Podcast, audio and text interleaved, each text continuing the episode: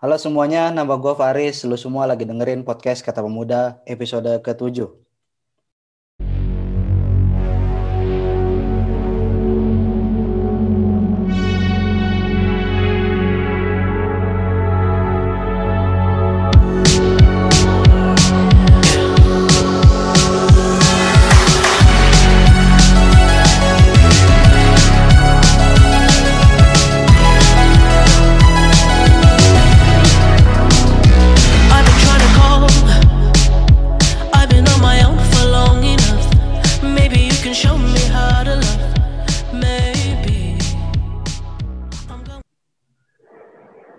2020 akan segera berakhir. Sepanjang tahun, dunia telah dilanda bencana berupa wabah COVID-19. Indonesia menjadi daerah yang turut menjadi korban dari wabah mematikan ini. Tercatat, Indonesia menempati posisi teratas di Asia Tenggara dalam kasus korban positif. Dunia kemudian diterpa berbagai krisis, terutama di sektor perekonomian. Indonesia terkena imbasnya. GDP real Indonesia, GDP real Indonesia menyusut uh, sebesar 0,2 persen, di mana sebelumnya berkisar di angka 5 persen. Situasi ini membuat pemangku kebijakan melakukan berbagai manuver terkait politik kebijakan untuk merespon keadaan, seperti pembatasan sosial berskala besar, percepatan pengesahan Omnibus Law Cipta Kerja, vaksinasi, sampai kepada reshuffle kabinet yang baru-baru ini dilakukan Presiden RI.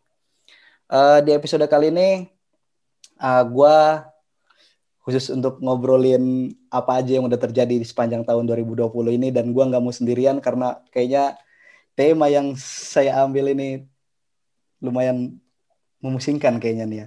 Uh, udah bergabung bersama gue ada Bang, ini gue ngomongnya Bang, Bung aja ya Bung.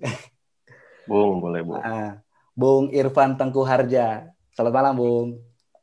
Malam Bung. Eh, apa kabar? Sehat Bung? Alhamdulillah uh, sehat. Uh, Bung Tengku ini uh, pengennya disebut apa Bung? Akademisi, uh, aktivis atau apa nih?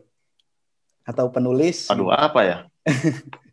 Tapi kesibukan Bung Tengku akhir-akhir ini apa nih? Aku, ya hmm. belak ya aku saat ini statusku ya pelajar juga, terus kedua ya masih peneliti juga. Uh, nah satu hal yang aku kepo nih, maksudnya jadi kayak pertanyaan, kenapa milih kuliah di Rusia itu, Bung? Wah, jauh. ngeri sekali. Satu mengenai apa namanya uh, perbedaan gitu loh. Aku lihat kan kalau selama ini aku kan ngambil kajian hubungan internasional kan, hmm. khususnya di perdagangan internasional. Gitu loh. Aku ingin melihat uh, perspektif lain itu yang disajikan di luar dari mainstream uh, hubungan internasional uh, pada umumnya. Misalnya kan kebanyakan itu kalau kita baca uh, para pakar, ilmuwan-ilmuwan, akademisi, teoritisi-teoritisi hubungan internasional itu kan kita menemukan banyak sekali wacana yang didapat dari kalau enggak dari Eropa Barat atau dari Amerika Serikat. Dan sehingga ini kan mempengaruhi alam pikir kita bagaimana melihat fenomena hubungan internasional ini sendiri. Ini kan sangat mempengaruhi. Artinya apa? Secara tidak langsung apa namanya di bawah alam sadar kita, cara kita membaca hubungan internasional itu sendiri pasti terpengaruh dengan perspektif Amerikan ataupun perspektif Eropa Barat gitu. Nah, aku ingin okay, okay, okay. melihat bagaimana sih eh, Rusia ini sendiri apa yang menjadikan beda itu loh. Apa bedanya itu loh. Nah, secara contohnya contoh kecil ya, ya, ya, ya. contoh uh. kecilnya nih uh, dalam konflik misalnya di Suriah kan. Mm -hmm. uh, kenapa misalnya Uni Eropa gitu kan. Dan juga uh, dia mendukung pemberontak gitu kan. Lalu Amerika Serikat menyokong Kurdi gitu kan. Tapi di sisi lain katakanlah Rusia itu sendiri malah mendukung uh, Bashar al-Assad misalnya. Ini salah satu contoh aja. Artinya kenapa? Ada perbedaan perspektif, sudut pandang dan kepentingan kan. Ya kan? Artinya aku melihat bahwa uh, sorry ya, aku lagi di balkon atas ini jadi berisik. Nggak apa, nggak apa.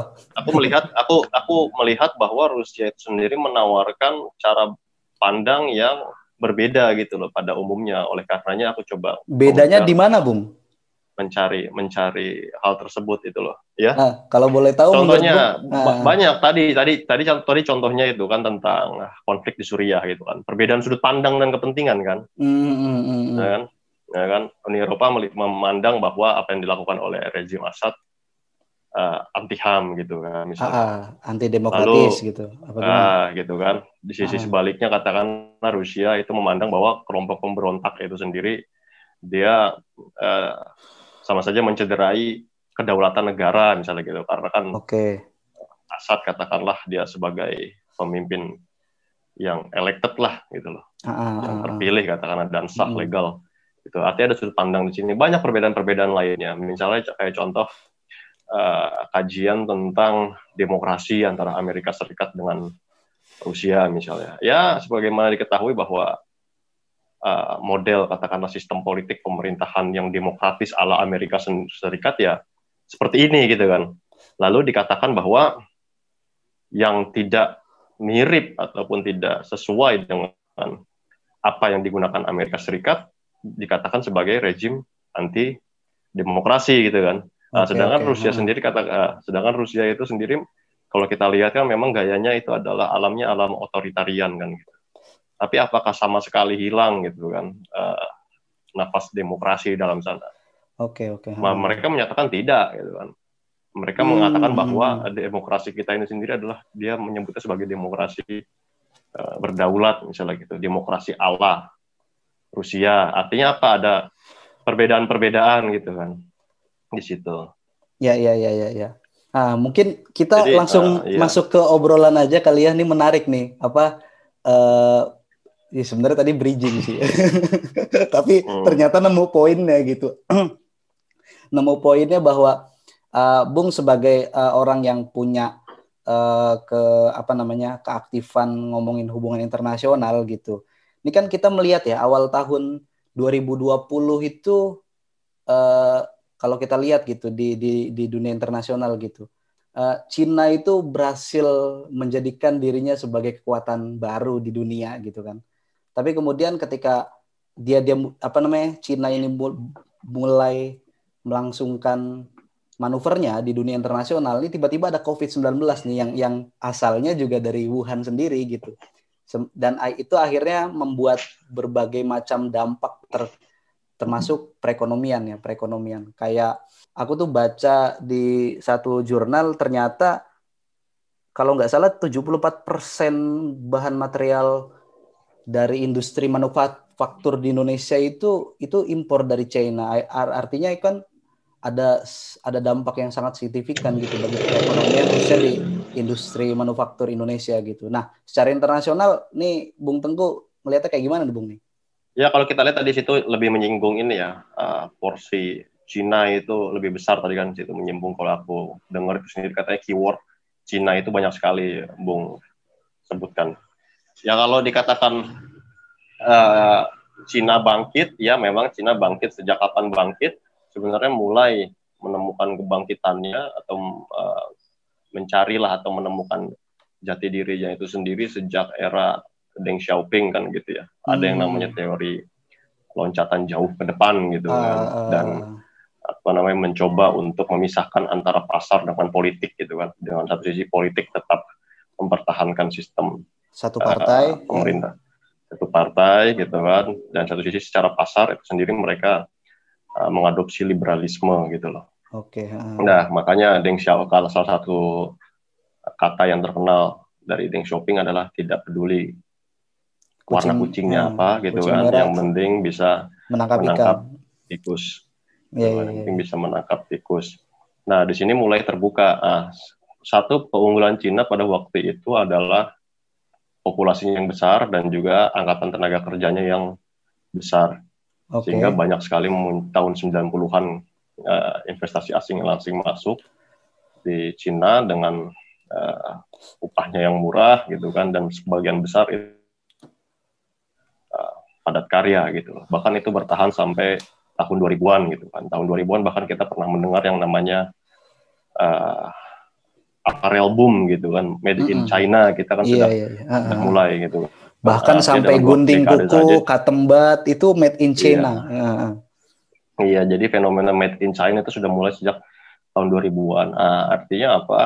Uh, China mampu memformal, memformulasikan bagaimana pembangunan ekonomi ini sendiri dilakukan di dalam negerinya dengan tetap satu mempertahankan uh, kepentingan uh, Partai Komunis Tiongkok agar tetap bertahan itu seperti apa dan yang kedua uh, mereka memiliki yang namanya uh, rencana-rencana kualitatif ya dalam hal pembangunan. Misalnya kalau tahun 90-an itu sendiri kan mereka mayor, uh, mayoritas industri di Cina itu sendiri ya uh, manufaktur garment tekstil ya paling ah, banyak gitu ya. Iya, iya, iya. Nah, tahun 2000-an juga masih bertahan gitu kan. Tapi kalau kita lihat sejak tahun 2000-an sampai sekarang kita sudah melihat produk-produk uh, Tiongkok di uh, sektor atau untuk di pasar uh, apa namanya teknologi-teknologi maju kan.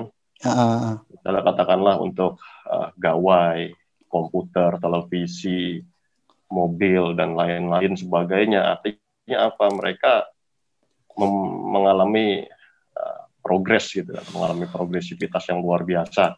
Uh, progresnya pertumbuhan Cina ini sendiri tentunya pasti akan mengancam yang namanya uh, status quo uh, dominasi internasional katakanlah yang kita lihat pemain lama adalah Amerika Serikat gitu kan yang ah. merasa uh, terancam gitu kan apalagi mengingat posisi Cina sebagai uh, pembeli dan pengekspor mayoritas gitu kan mm -hmm. di, di di dunia artinya apa? Dalam bidang ekonomi ya harus diakui bahwa posisi Amerika Serikat sudah tergerus oleh uh, Cina gitu kan.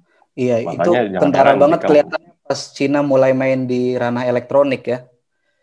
Iya, lalu makanya kalau kita lihat apa yang bisa dilakukan oleh Amerika Serikat untuk membendung ini adalah atau untuk membendung kekuatan Cina, ya kalau secara ekonomi gitu kan, secara pasar kompetisi itu sendiri Amerika Serikat sudah kalah ya mau nggak mau yang harus dilakukan adalah dengan uh, menggunakan instrumen-instrumen politik seperti sanksi misalnya kan terhadap eh bukan sanksi ya apa namanya peningkatan uh, tarif untuk impor uh, bahan barang-barang Cina ke Amerika Serikat misalnya uh, kemarin uh, yang memicu yang memicu perang dagang gitu kan. Uh, ya hmm. itulah instrumen-instrumen politik yang dilakukan lalu mencoba untuk uh, mendiskreditkan Cina dalam politik internasional. Ini sangat uh, Trump ya. Kalau yeah, kita iya, lihat yeah. kan selama masa Trump itu sendiri katakanlah coba mendiskreditkan Cina sebagai pihak yang bersalah atas pandemi COVID, lalu uh, apa namanya bagaimana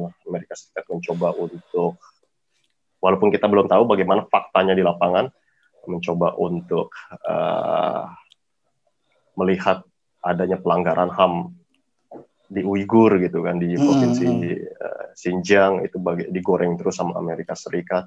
Dan berbagai macam uh, instrumen instrumen uh, politik lainnya walaupun kita tidak tahu nanti uh, dengan presiden yang baru ini Joe Biden ini sendiri seperti apa kita nggak tapi seperti itu gitu loh yang terjadi gitu loh. Karena memang kompetisi ekonomi tidak memungkinkan lagi oleh Amerika uh Serikat untuk berkompetisi dengan Cina mau pendekatan politik dan di satu sisi juga uh, dominasi Cina untuk di wilayah dunia untuk pembangunan dunia ya ekonomi ekonomi negara-negara di dunia pun juga mulai dominan. Contohnya saja dengan ada yang namanya uh, uh, Belt and Road Initiative itu kan.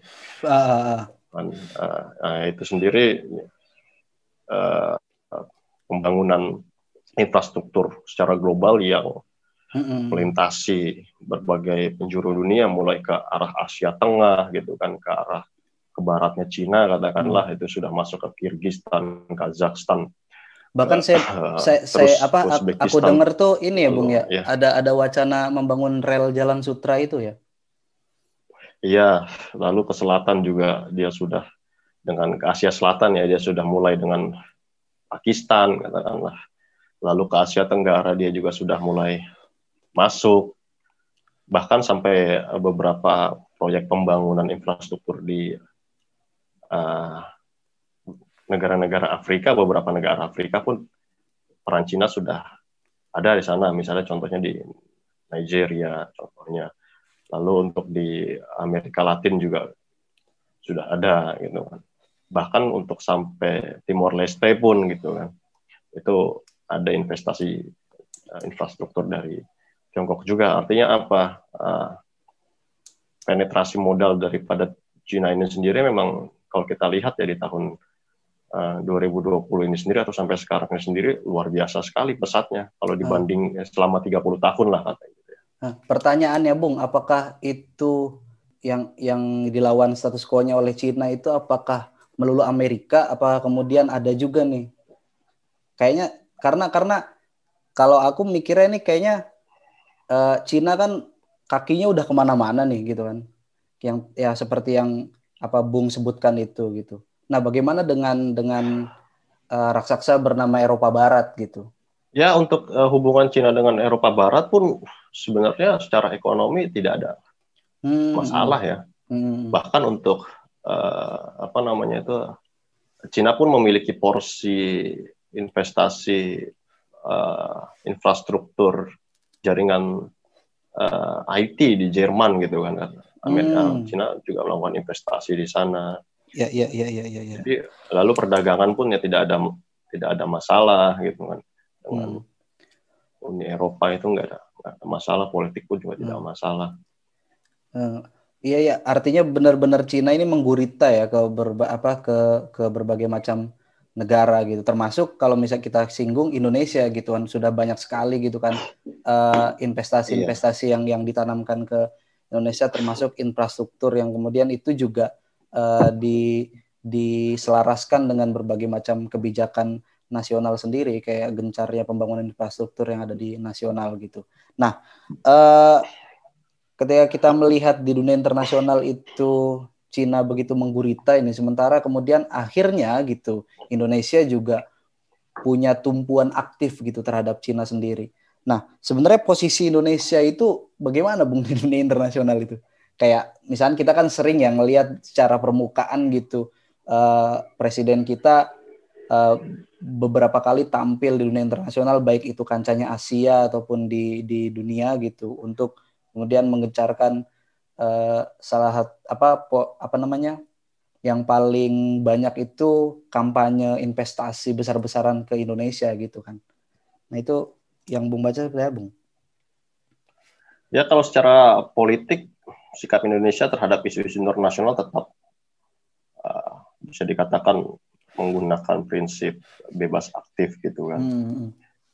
Uh, Lalu kalau untuk di kepemimpinan dunia ya Indonesia uh, sudah ada bisa dibilang memiliki posisi-posisi yang cukup strategis. Misalnya Indonesia uh, dipilih terbagai eh sebagai anggota Dewan Keamanan PBB misalnya okay. gitu lalu sebagai uh, contohnya seperti itu. Lalu sebagai koordinator uh, apa namanya ya sebagai uh, sebagai anggota Dewan Keamanan PBB lalu katakanlah Menteri Tenaga Kerja uh, dia terpilih sebagai chairmanship di uh, Kementerian Tenaga Kerja ASEAN gitu gitulah ya Indonesia di situ. Tapi pertanya uh, pertanyaannya adalah apa apa nilai katakanlah yang disumbangkan oleh Indonesia terhadap nah itu ya.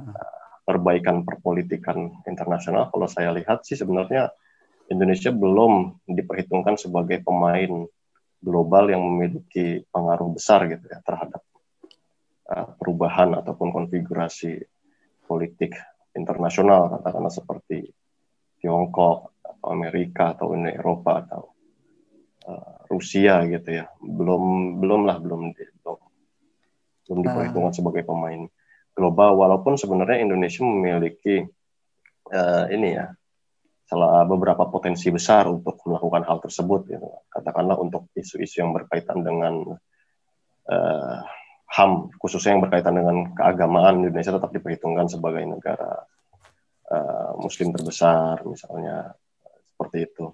Nah, tawaran-tawarannya mungkin mas apa masih nggak jauh beda dengan uh, zaman ya beberapa beberapa periode sebelum presiden hari ini menjabat ya. Tapi uh, pertanyaan selanjutnya itu apakah kalau di nasional kan kita udah ada undang-undang cipta kerja ya kan? Yang yang omnibus law yang yang begitu banyak menuai kontroversi gitu kan ketika disahkan itu. Yang yang memang uh, niatnya dan misinya itu memang mengencarkan dan menaikkan perekonomian Indonesia gitu. Sehingga sehingga mencapai berapa gitu targetnya saya kurang tahu. Nah, uh, apa namanya tadi pernyataan Bung yang ternyata Indonesia memang belum benar-benar jadi uh, negara yang diperhitungkan di kancah internasional. Apakah UU Cipta Kerja ini nggak bisa jadi modal gitu? Oh, cipta, cipta kerja ini sendiri kan kepentingannya kan yang mendasari pastinya kan adalah pertumbuhan ekonomi ya. Mm -hmm. Pertumbuhan ekonomi.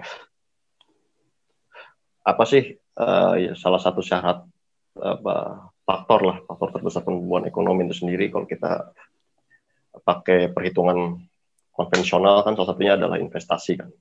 Iya, iya iya iya iya. Investasi asing gitu kan, maupun investasi domestik. Yang penting investasi langsung lah. Mm-hmm, investasi langsung. Harapannya itu, mm. uh, harapan itu sendiri dengan adanya kapital membuat uh, produksi, menyerap lapangan kerja dan lain-lain. Lalu apa yang dibutuhkan oleh investor gitu kan? Uh. Ya itu sebenarnya uh, Cipta Kerja menjawab itu semua. Mm-hmm. Apa yang dibutuhkan oleh investor gitu kan atau pengusaha apa sih yang dibutuhkan pengusaha gitu kan katakanlah beban produksi yang rendah termasuk misalnya uh, upah pekerja misalnya gitu kan juga lalu perizinan yang tidak rumit lalu disediakan dalam undang-undang cipta kerja tersebut ya, agar lalu terbuka seluas-luasnya akses gitu ya. iya akses terhadap tanah yang mudah kan, kan diberikan juga gitu kan untuk pajak yang lebih ringan diberikan juga dengan undang-undang uh, cipta kerja jadi sebenarnya kalau dikatakan uh, apa kepentingannya Undang-Undang Cipta Kerja ya pertumbuhan ekonomi kan gitu. Pertumbuhan ekonomi dengan cara pemerintah lah gitu. Ya, menggalakkan ya, ya, investasi sebenarnya. Lalu uh, kaitannya antara Undang-Undang Cipta Kerja dengan uh, kampanye internasional pemerintah Indonesia tentu ada kaitannya gitu kan. Itu akan menjadi uh, faktor perbaikan katakanlah untuk uh, indeks kemudahan berbisnis di Indonesia misalnya ease of doing business misalnya seperti itu. Nah itu kan menjadi faktor-faktor yang dilihat oleh uh, investor internasional gitu kan sebelum memutuskan untuk melakukan investasi di mana lalu juga apa namanya untuk uh, promosi lah promosi kepada investor-investor asing bahwa Indonesia memiliki undang-undang cipta kerja, fasilitas yang diberikan hmm. itu sendiri dengan undang-undang cipta kerja terhadap investor ABCDE kan gitu. Ya, ya, ya, ya. Sebenarnya orient orient hubungannya sebenarnya ke sana gitu. Hmm.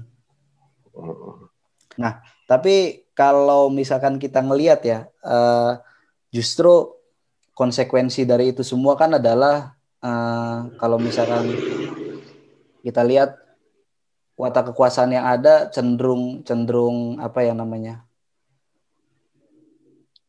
cenderung ya sangat apa namanya partisipasinya itu dipertanyakan gitu loh ngomongin ngomongin eh, keadaan-keadaan di akar rumput seperti apa gitu. Terus kemudian kebutuhan dari elit juga seperti apa gitu. Kalau diturunkan ke nasional, Bung sendiri punya pembacaan seperti apa, Bung, di di apa namanya di melihat geliatnya pemerintah Indonesia? Ya, kalau tadi menanggapi tentang industrialisasi ya, sebenarnya kan yang paling penting itu sendiri dari industrialisasi kan hilirisasi kan gitu, dari Oke, okay, uh, hulu ke hilir hulu itu. Ya. ke hilir kan gitu ya, dari bahan mentah gitu menjadi bahan jadi itu kan memiliki rantai produksi ataupun proses produksi yang panjang sebenarnya itu yang harus dihubungkan dalam uh, hal industrialisasi gitu kan ya kalau dilihat uh, untuk melakukan itu sendiri sebenarnya sudah ada uh, dua kebijakan yang bisa menopang kebutuhan itu satu RPJMN mm-hmm. ya. RPJMN. lalu yang kedua adalah dan juga adalah yang kedua adalah undang-undang industri gitu loh. Di situ sudah hmm, dipetakan hmm. tuh sebenarnya industri prioritas apa dan lain sebagainya sebenarnya sudah ada di, di, di itu semua. Kalau dilihat sekarang perjalanan industrialisasi di Indonesia sendiri, sendiri seperti apa, terjadi ketidak apa namanya ketidakpaduan gitu loh. Industri di Indonesia ini sendiri berjalan tidak terpadu. Gitu. Ah, Contohnya harusnya seperti harus harusnya uh, kalau dalam teori industrialisasi modern itu sendiri meningkatnya industri jasa gitu hmm. itu terjadi ketika sudah melalui yang namanya proses industrialisasi di manufaktur. Gitu. Oke. Okay. Di, di industri manufaktur itu sendiri. Kalau di Indonesia tidak gitu kan. Di saat ini uh, mengalami yang namanya deindustrialisasi. Apa itu yang dimaksud dengan deindustrialisasi? pertumbuhan industri jasa itu sendiri berkembang cepat gitu. Tapi di sisi yang lain, industri manufaktur itu sendiri itu bisa dikatakan melambat gitu loh. Oke. Dikatakan melambat. Jadi tidak tidak terpadu antara jasa dengan uh, manufaktur. Harusnya kan jasa dan manufaktur ini sendiri kan pertumbuhannya kan uh, linier ya bisa dikatakan bareng gitu kan. Manufaktur itu sendiri menopang jasa dan jasa menopang manufaktur. Manufaktur gitu. Okay, Tapi kalau di Indonesia ini sendiri tidak gitu loh. Manufakturnya melambat, tapi sisi sendiri dari satu sisi jasanya itu yang justru meningkat. jasanya yang, ya, meningkat ya. Uh, iya, uh. jasanya meningkat. Katakanlah uh, di satu sisi untuk penciptaan produk uh, produksi gitu ya, untuk penciptaan produk Eh, mengalami keterlambatan, tapi di sisi lain kok yang namanya jasa perdagangan termasuk e-commerce tumbuh pesat gitu kan. Oke. Okay. Nah, ini kan sebenarnya menjadi menjadi tanda tanya. Jadi sebenarnya apa yang dijual oleh jasa perdagangan ini sendiri gitu loh. Mm-hmm. Barang siapa kan gitu. Iya iya iya. Bahkan oh, e-commerce pun hari ini ya barang-barangnya nggak cuma dari lokal ya, dari internasional pun dari China, dari Korea gitu-gitu ya.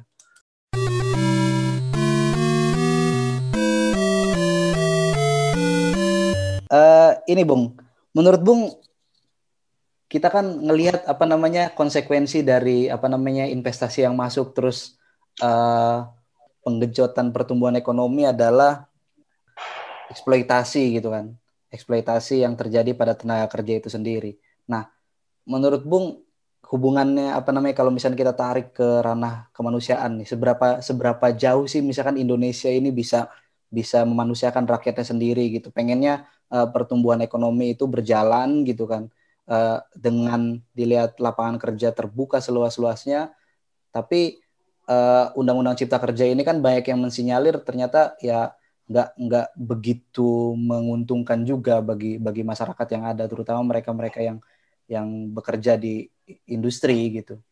Iya kaitannya dengan pertumbuhan gitu ya atau modal dengan kemanusiaan itu sendiri. Mm -hmm.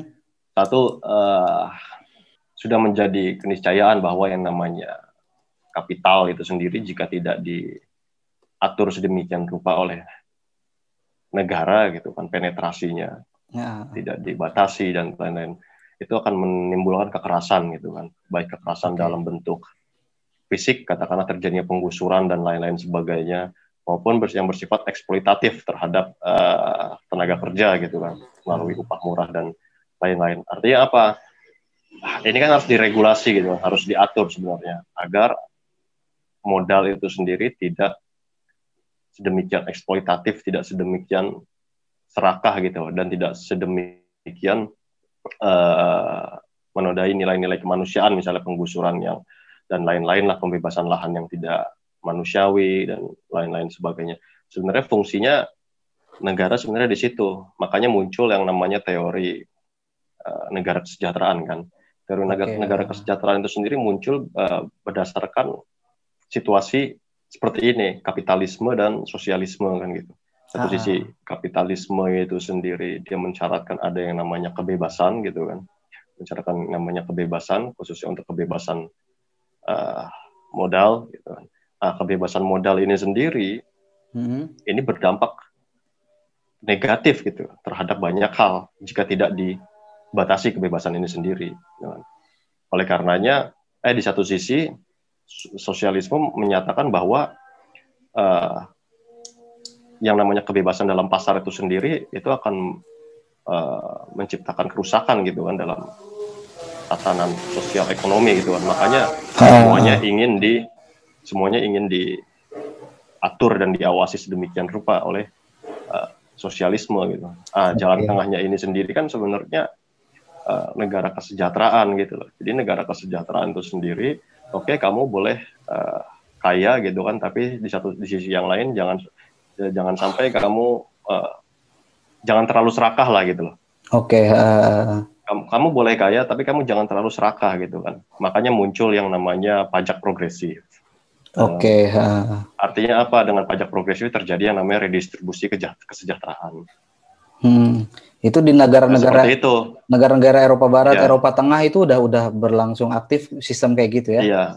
Hmm. Iya, maksudku pembacaannya seperti itu. Kenapa lahir negara kesejahteraan gitu kan Benar, untuk menengahi konflik dua kubu ini sendiri. Kamu boleh apa namanya kaya gitu kan kamu boleh kaya tapi kamu jangan terlalu serakah bagaimana caranya diberikan pajak progresif hmm. terus yang lain-lain sebagainya gitu kan uh, masyarakat uh, masyarakat ini sendiri rentan gitu kan rentan dia mudah sekali sakit dia mudah sekali apa itu kan artinya apa uh, institusi kesehatan itu sendiri harus di uh, atur sedemikian rupa gitu kan. Makanya muncul yang namanya uh, jaminan kesehatan okay, kayak gitu-gitu loh. Uh, iya iya iya. Maksudku. Jadi untuk menengahi itu semua. Jadi ada kapitalisme, ada sosialisme, uh, jalan tengahnya seperti apa gitu. Nah, sebenarnya ini yang harus dipikirkan oleh uh, Indonesia gitu kan bagaimana caranya menengahi ini semua gitu loh. Bagaimana hmm. caranya di satu sisi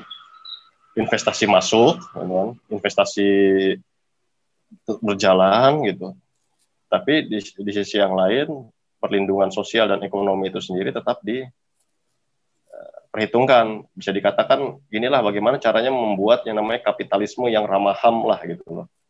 Oke oke. Hmm. Ah, nah untuk untuk menangkal dan menengahi itu semua kan ya tugas negara dalam hal ini uh, pemerintah juga diharapkan berperan aktif gitu. Tapi kemudian uh, di akar rumput pun masyarakat sebagai uh, pelaksana aktif juga dari berbagai kebijakan yang ada yang turun dari pemerintah itu juga kan punya hak untuk kemudian uh, memperjuangkan dan mengawal berbagai macam haknya itu kan.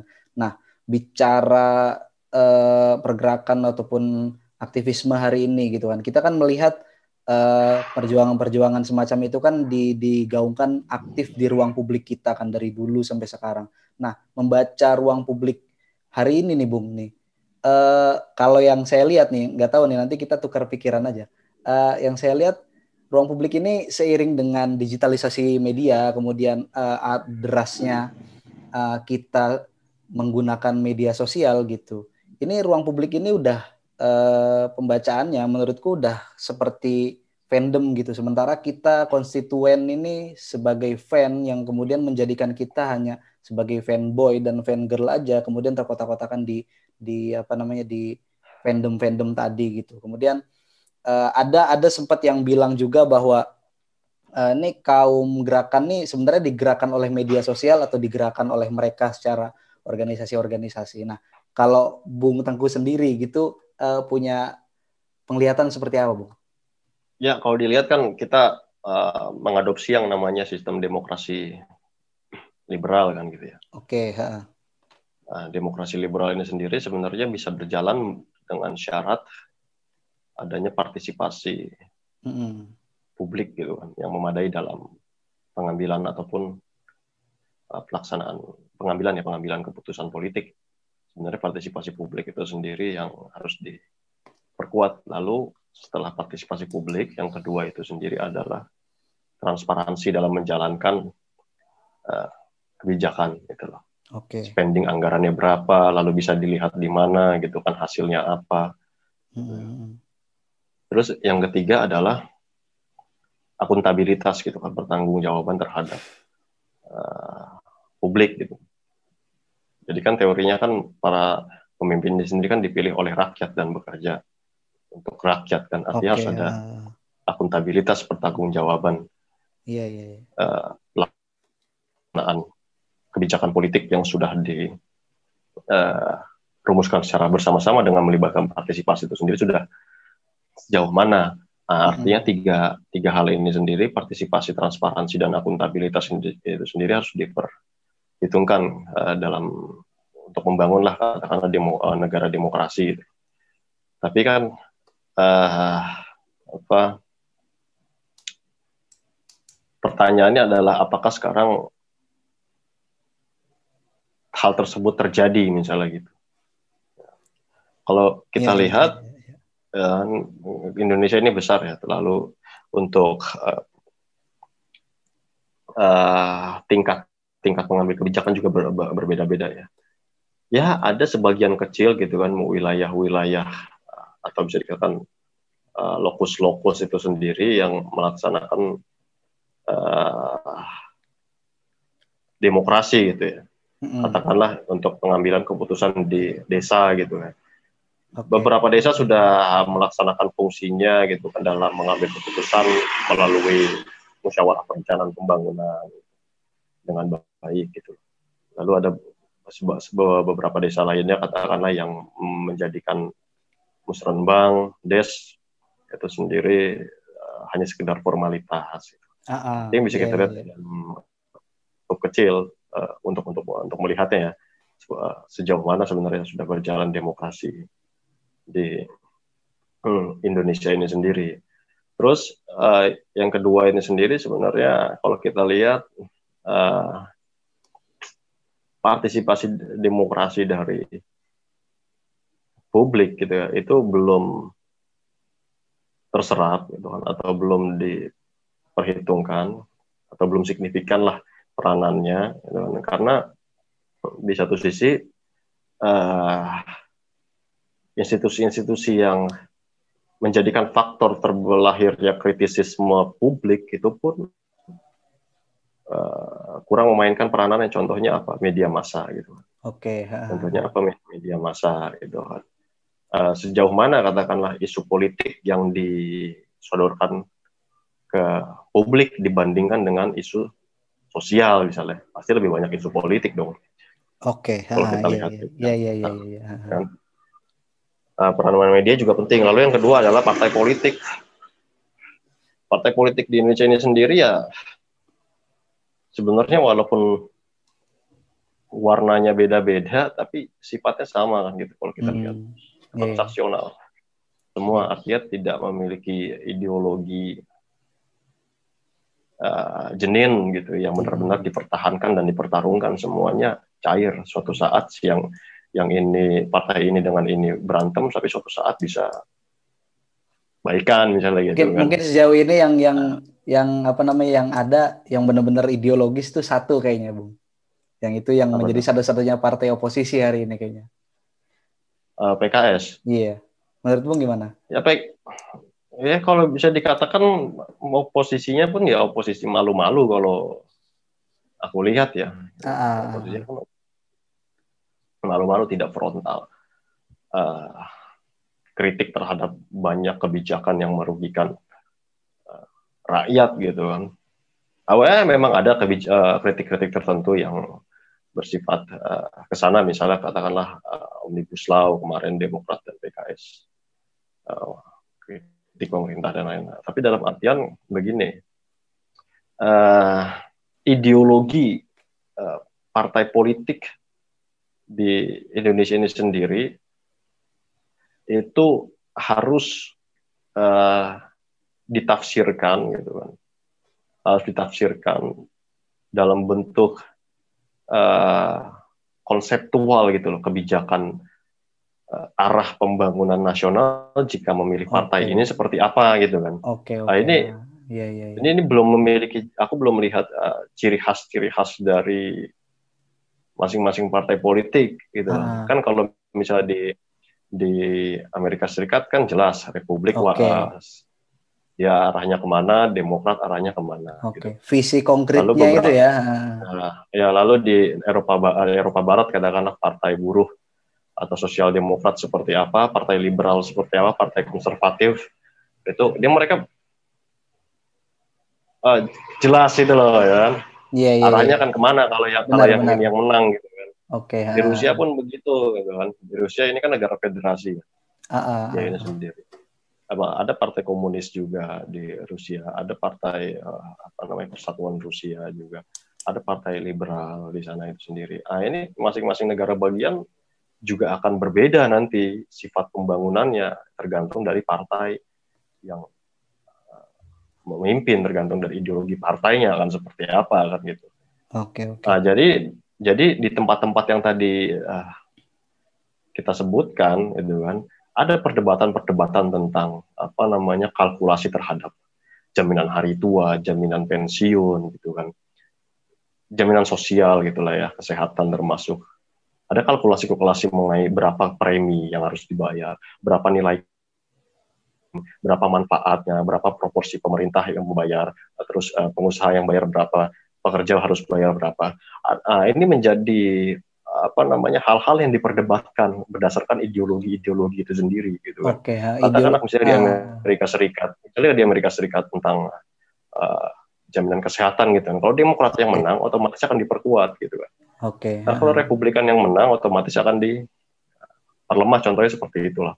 Lah okay. kalau di Indonesia ini sendiri, uh, nggak ada jaminan ingin, konkret ya, nggak ada jaminan konkret siapa pun. Uh, yang... Warnanya apa kan? Aku pengen uh, lihat sebenarnya uh, ideologi konkretnya apa ya? Walaupun di permukaan kita lihat ada yang namanya uh, nasionalis gitu kan. Lalu ada yang namanya moderat ada yang namanya partai uh, religius gitu. Okay. ya oke okay lah seperti itu. Tapi apa gitu kan nilai jenin yang mereka tawarkan. Dan di sisi lain juga uh, partai politik juga tidak memiliki atau bisa dikatakan sebagian besar partai politik tidak memiliki basis massa ya. Benar. Yang radikal gitu kan. Iya iya. Yang benar-benar. Yang benar-benar terorganisir. Kecuali iya. Nah, iya, kan? kecuali simpatis, kecuali simpatisan atau relawan gitu itu sudah pasti kan. Harus okay. ya, nah. ya acara pemilihan pasti mereka kerja kan begitu loh. Hmm. Dapat duit lah gitu kan. Nah, tapi kalau untuk uh, basis masa yang konkret gitu kan. Nah, ini yang yang tidak yang bisa dikatakan tidak ada gitu kan, tidak okay. ada uh, cair jadi cair hubungan aja, antara partai politik hubungan partai politik dengan masyarakat itu sendiri hubungannya adalah hubungan-hubungan ya mohon maaf saya bilang transaksional gitu kan. Oke. Okay. Uh. Transaksional aja, tidak ada ikatan gitu Iya, yang tidak akhirnya ada, tidak ada ikatan, iya tidak ada ikatan ideologi di dalamnya. Hmm, gitu. yeah. Ya walaupun adalah beberapa partai politik itu kan yang mewakili apa namanya sektaria sektarian uh, keagamaan tertentu ya pasti milih partai ini gitu kan. Oke. Okay. Nah, yang ada yang ada justru partai, ini enggak sih ikatannya emosional bukan bukan ikatan politik gitu. Ya itulah sebenarnya narasi yang dikembangkan sebenarnya salah satunya juga oleh banyak ya ditemukan di mana-mana lah gitu lah. Okay, dikembangkan ya. oleh buzzer entah media atau apa. Isunya ya selama ini isu-isu yang bersifat politik identitas gitu loh. Oke. Okay. Ya. Politik identitas yang dibangun, yang nggak entah dibangun atau terbangun gitu ya. Yang terbangun ya. itu artinya apa ya? Persepsi publik pun terhadap publik, eh terhadap politik uh, secara tidak langsung atau dalam alam bawah sadarnya ya juga terpengaruh dengan yang namanya latar belakang politik identitas ini sendiri gitu. Mm-hmm. Jadi kalau kamu misalnya kelompok apa ya kamu akan memilih partai apa gitu kan, okay. atau akan kamu akan menyetujui gitu kan. Kalau kamu bukan kelompok ini ya itulah. Jadi ya seperti itu. Oke. Okay. Nah, ini terakhir Bung karena ini di penghujung 2020 ya. Uh, apakah menurut Bung nih ini sebenarnya pertanyaannya uh, keluar dari tema tadi kita ngomong ekonomi politik terus ngomongin apa namanya watak kekuasaan yang ada di Indonesia sendiri uh, menurut Bung adanya vak vaksinasi yang akan dilakukan oleh pemerintah secara gratis ke masyarakat Indonesia itu jaminan akan uh, ya apa namanya redanya wabah ini dan juga ya mengembalikan aktivitas masyarakat seperti sedia kala aktivitas perekonomian. Ya, sampai saat ini yang diper, sampai saat ini yang dipercayai itu mm -mm. vaksin sebagai kunci gitu kan untuk menyelesaikan pandemi gitu. Oke. Okay. Tapi kan kita juga harus tetap menyediakan uh, selain ada plan A, harus ada plan B, plan C gitu ya. Iya, iya, iya. Katakanlah sekarang sudah ditemukan di Inggris mengenai mutasi virus corona. Mutasi virus corona atau virus ini dikatakan berkembang. Nah, kita nggak tahu, aku juga bukan uh, apa namanya virolog gitu kan, bukan virolog. Ah. Aku juga bukan praktisi kesehatan ya kita nggak tahu gitu kan apakah benar-benar yang namanya vaksin ini sendiri uh, dapat meredakan pandemi atau corona atau tidak ya aku ya sebenarnya nggak nggak tahu gitu kan tapi ya vaksin menjadi harapan gitu kan dan kita semua harus kalau menurutku ya kita semua harus mau divaksin gitu kan okay. tapi juga harus ada harus ada rencana-rencana bagaimana jika vaksin ini sendiri ternyata tidak terbukti Oke. Okay. Menyudahi wabah kan gitu kan. Uh, sayang sayang. Ya walaupun ya kan ya walaupun ini skenario terburuk gitu kan, tapi bagaimanapun harus disiapkan uh. antisipasi terhadap skenario terburuk kan bagaimanapun juga kan.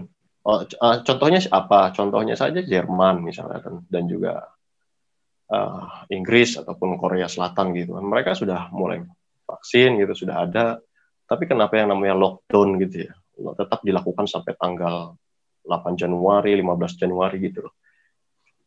Maksudku loh. Padahal mereka sudah mulai vaksinasi duluan. Ah, ah, ah, ah. Ya, ya, hmm. ya, ya, ya, ya. artinya apa? Kegelisahan itu sendiri ataupun keresahan itu memang tetap harus di harus tetap ada agar apa? Agar tetap siaga gitu. Jangan sampai 100% menyandarkan ataupun percaya bahwa vaksin ini sendiri akan meredakan wabah. Tentu kita berharap ke sana, tapi skenario B untuk menghadapi skenario terburuk itu juga harus dipersiapkan. Tentunya kalau misalnya vaksin ini sendiri efektif untuk menyudahi wabah ya pastinya apa aktivitas ekonomi akan bergeliat akan bergeliat lah akan bergeliat uh, aku akan bergeliat lah pastinya lebih lebih lebih baik.